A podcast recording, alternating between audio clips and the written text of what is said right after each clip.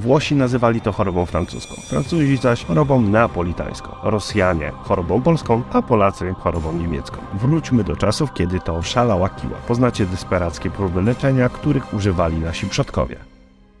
Pochodzenie kiły jest intensywnie kwestionowane przez historyków, którzy spierają się o to, czy syfilis został po raz pierwszy wykryty w obu Amerykach przez flotę Kolumba w 1493 roku, czy też istnieje znacznie dłużej. Ta praca Sebastiana Branta pochodzi z 1496 roku i przedstawia Jezusa rzucającego snop światła, aby ukarać lub wyleczyć cierpiących na kiłę, którzy są pokryci wrzodami i ranami. Termin Kiła został po raz pierwszy wprowadzony przez włoskiego poetę Girlamo Fracastoro w 1530 roku. Fracastoro pisał o pasterzu zwanym Syfilis, który został przeklęty straszliwą chorobą przez boga Apolla, ale później został wyleczony za pomocą rtęci i żywicy. Ta XVI-wieczna rycina autorstwa Jana Sadelera przedstawia Girlamo ostrzegającego Syfilisa, by nie gniewał Apolla, wskazując na Wenus, boginię miłości. Noc z Wenus, całe życie z Merkurym,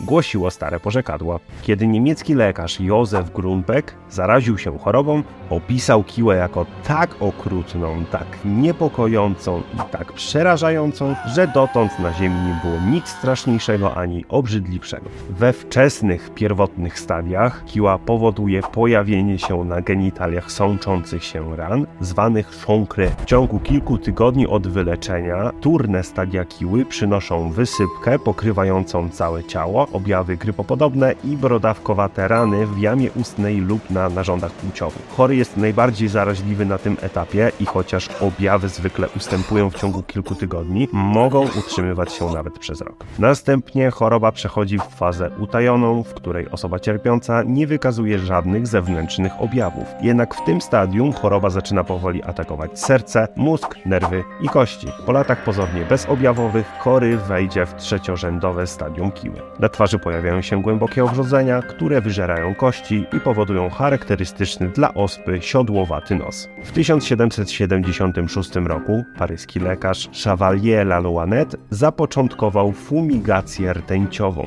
w ramach której pacjent siedział w zamkniętym pudełku, podczas gdy pod nim podgrzewano preparat rtęciowy. Kiedy lekarz John Pearson wypróbował urządzenie, stwierdził, że dziąsła pacjenta szybko stały się nabrzmiałe i delikatne. Pojawiały się jeszcze bardziej finezyjne sposoby, np. Isaac Swainson wierzył, że kiłę można wyleczyć bez użycia rtęci. Syrop warzywny, który wytwarzał ten pan, miał być w stanie wyleczyć syfilis, ale także trąd, dnę mocznową, skorofulę, puchlinę, ospę, raka, szkorbut i Jeżeli chcielibyście poznać bardzo krótką, ale treściwą historię prostytucji, to właśnie pojawia się na ekranie karta, a jak w nią klikniecie, to przejdziecie od razu do tego odcinka. Słyszymy się za tydzień, trzymajcie się, a no i oczywiście proszę Was bardzo o subskrypcję, łapkę w górę, komentarz też będzie spoko. Na razie, elu!